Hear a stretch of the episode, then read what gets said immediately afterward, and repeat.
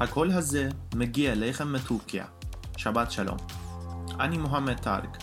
ברוכים הבאים לפרק ה-20 שלנו בפלטפורמה הזאת.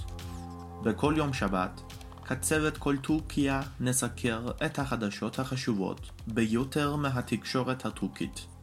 אנחנו מקווים שתהנו ועקבו אחרי החדשות של טורקיה.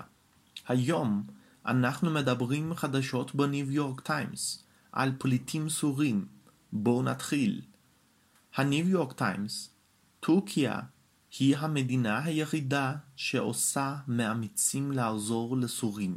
עיתון אמריקאי אישר כי טורקיה היא המדינה היחידה שעושה כמיטב יכולתה לעזור לפליטים הסורים שנכנסים לשטחה כדי להימלט מהקרבות באזורי מגוריהם בין משטר אסד ובעלי בריתו ובין המורדים בסוריה.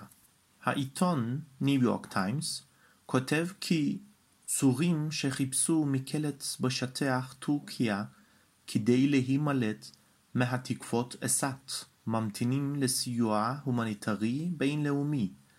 עם זאת, טורקיה היא המדינה היחידה המשקפת למיליונים מהם סיוע זה. העיתון קבע כי מבצעי ענף הזית שהושק על ידי הכוחות הטורקיים בתחילת 2018 לגירוש מיליציית PKK מאזור עפרין בצפון סוריה, ספג ביקורת רבה ברחבי העולם.